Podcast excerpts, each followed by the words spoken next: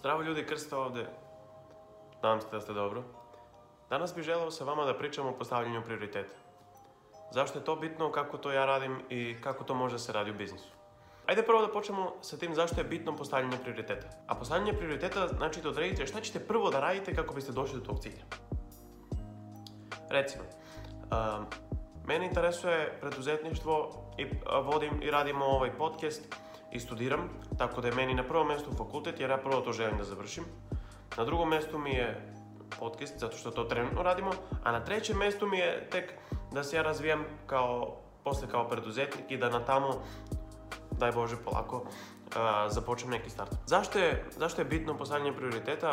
Ja ću da vam to kažem na svom primjeru, zato što iskreno ne znam na tuđem kako to doradim. Meni je postavljanje prioriteta pomoglo u ostvarivanju svojih ciljeva. Znači ja sam sve svoje ciljeve ostvario samo zato što sam postavio jasne prioritete, znao sam šta treba da radim, gdje da idem, gdje da ne idem i da, to, to bi preporučio vama da uradite. Ranije smo išli na sve događaje moguće, znači to nam je bio drugi prioritet naravno posle faksa. Ajde da vidimo, da naučimo što više, da upoznamo što više ljudi, ali, ali kasnije, sad u ovo vreme više ne posećamo toliko događaja, isto idemo tu i tamo negde i opet upoznamo nove ljude, i ono, pričamo s njima kako bismo neke lekcije e, naučili od njih. Jer je mnogo bitno da učite od drugih. Mnogo, mnogo, mnogo pomažete. E sad, ajde da vidimo još nešto o prioritetizaciji, recimo kako možemo da primenimo prioritizaciju u biznisu. Kada razvijete neki novi proizvod u startupu, e, mnogo je lako da se, da se tu već malo to oduži, da, da želite da razvijate savršen proizvod i, i sve to. To nije poenta. Znači, napravite nešto što je funkcionalno, neki MVP. Pričali smo o tome, možete da pogledate epizodu na YouTube. Mislim da je dobro. Znači, uložite malo manje nego što ste očekivali.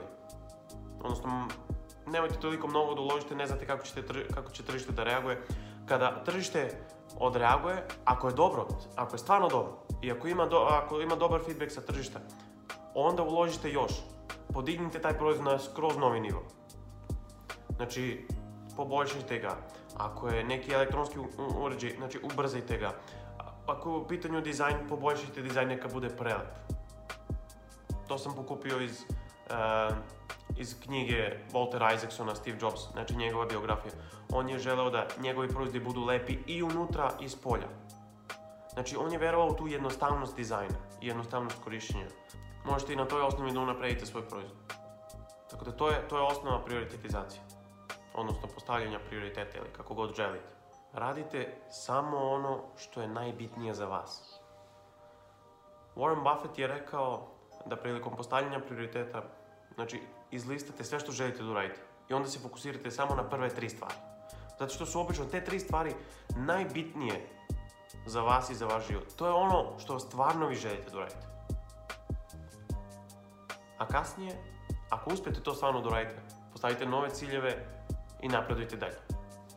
Jer ljudi nikada neće biti zadovoljni s onim što imaju. Oni uvek, to jest, uspješni ljudi uvek teže nečim višem. Tako da to bi preporučio i vama da radite. Nemojte da se zadovoljavate s onim što imate, uvek težite za više. Nije da uvek najbolje, ali pomoći će vam da budete uspješni u onom što radite. Hvala puno što ste gledali, nadamo se da ste uživali. e vedremo su Sledge um clip. Tchau.